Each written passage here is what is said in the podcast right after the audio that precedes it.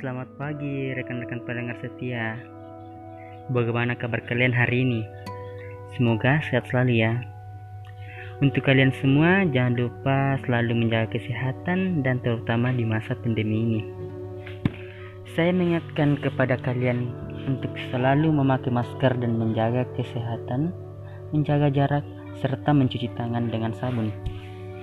Nah, kali ini saya akan memberikan sedikit informasi mengenai total kasus COVID-19 yang ada hari ini di wilayah kita.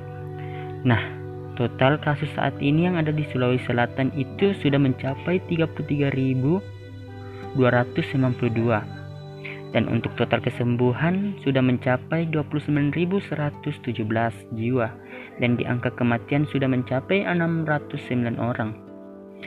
Dan untuk total di Indonesia sekarang sudah mencapai 70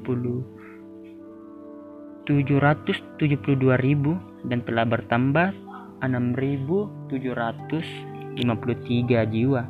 Dan untuk total kesembuhan sekarang mencapai 639.000 dan telah bertambah 7.166 jiwa. Dan di angka kematian sudah mencapai 22 1911 dan telah bertambah dengan 177 jiwa.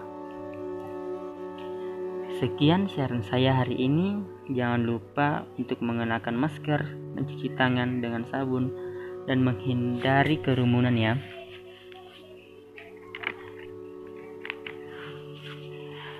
Kesuksesan hari ini hanyalah untuk hari ini. Hiduplah hanya untuk hari ini Mari untuk berkarya masa depan negeri ini. Saya Rusdin, sampai jumpa lagi dan selamat pagi.